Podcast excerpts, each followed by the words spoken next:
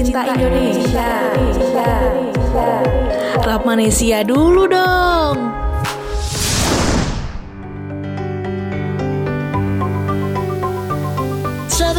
lima Rapma FM The first entertainment channel in Solo Hai kamu sebenarnya, selamat datang di Rapma FM Podcast Kali ini ada aku Ristan dan juga ada partner aku Wikan yang bakal jadi pengisi suara di podcast Rapanesia kali ini nih. Walaupun berbulan-bulan kita berjauhan ya Wikan, nggak bisa menyapa kampus Brainers dari ruang siar kita tercinta, tapi kita masih bisa menyapa dan menghibur kampus Brainers dari podcastnya Rapma FM. Pastinya dong, karena jarak itu bukan alasan buat kita untuk nggak menghibur kampus Brainers. Apalagi udah berbulan-bulan kita di rumah aja, pastinya udah bosan jenuh suntuk tingkat maksimal. Tapi nggak usah khawatir kampus Brainers, karena di Rapnesia kali ini kita bakal menghibur kamu tentunya dengan mengeksplor negeri negeri kita tercinta Indonesia yang terkenal banget akan keanekaragaman kulinernya yang unik dan soal rasa hmm, Indonesia tuh udah juaranya pokoknya kuliner di Indonesia tuh enak-enak rasanya dan kuliner asli Indonesia yang bakal kita bahas ini ada di baratnya kota Solo nih Ristan bentar-bentar aku tebak Semarang bukan? Bukan lah.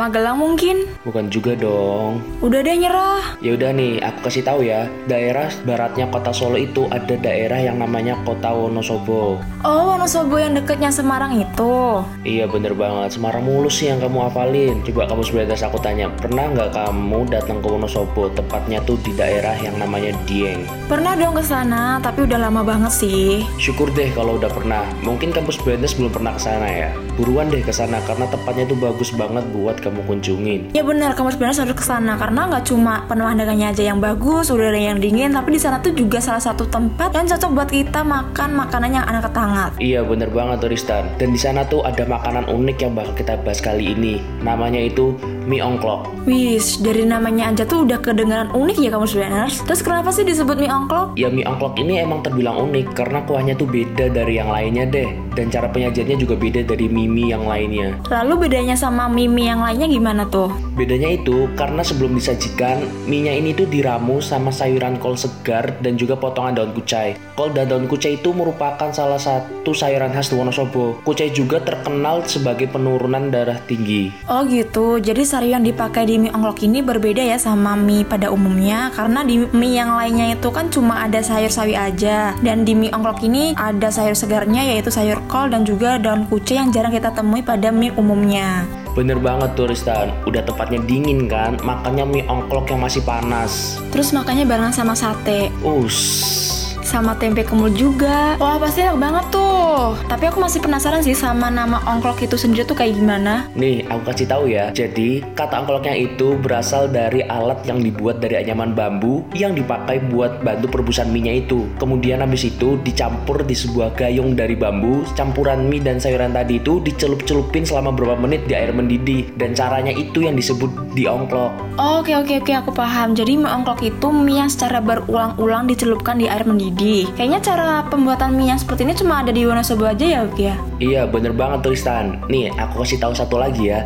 Kuahnya ini berasal dari pati yang dicampur gula Jawa ebi sama rempah-rempah lainnya. Biar rasanya lebih maknyus gitu loh. Terus mie ongklok ini juga diguyur sama bumbu kacang yang nambahin keunikan dan kelezatan mie ongklok ini Ristan. Terus kalau soal harga nih gimana nih? Pasti mahal nih. Gak usah khawatir kalau soal harga deh. Aku jamin harganya tuh masih ramah di kantong. Palingan cuman ya sekitar 5 ribuan gitu deh. Jadi buruan ayo ke Wonosobo. Oke deh kalau gitu. Habis pandemi ini selesai mie ongklok akan jadi tujuan kulinerku di kota Wonosobo. Nah gitu dong. Jangan sampai sampai nggak nyoba deh. Ngebahas soal kuliner bikin lapar juga ya, Uki ya? Iya bener banget nih. Eh, kayaknya abis ini aku bakal makan saudaranya mie ongklok aja deh kan di sini nggak ada mie ongklok. Siapa tuh? Mie ayam dong. Bener juga sih, aku juga mau deh makan mie ayam habis ini. Tapi sebelumnya kita pamitan dulu nih sama Kampus Branders. Semoga pembahasan mie ongklok tadi bisa jadi rekomendasi kamu nih Kampus Branders buat wisata kuliner di kota Wonosobo. Dan jangan lupa untuk terus dengerin Rapang FM Podcast untuk tahu info-info terupdate, terhits, dan ter-ter yang lainnya. Akhir kata, terhormatlah bagi yang berprestasi. Dan berprestasilah dengan tetap menjaga kehormatan. Ristan pamit. Weekend juga pamit. Dadah Kampus Branders. Dadah Kampus Branders.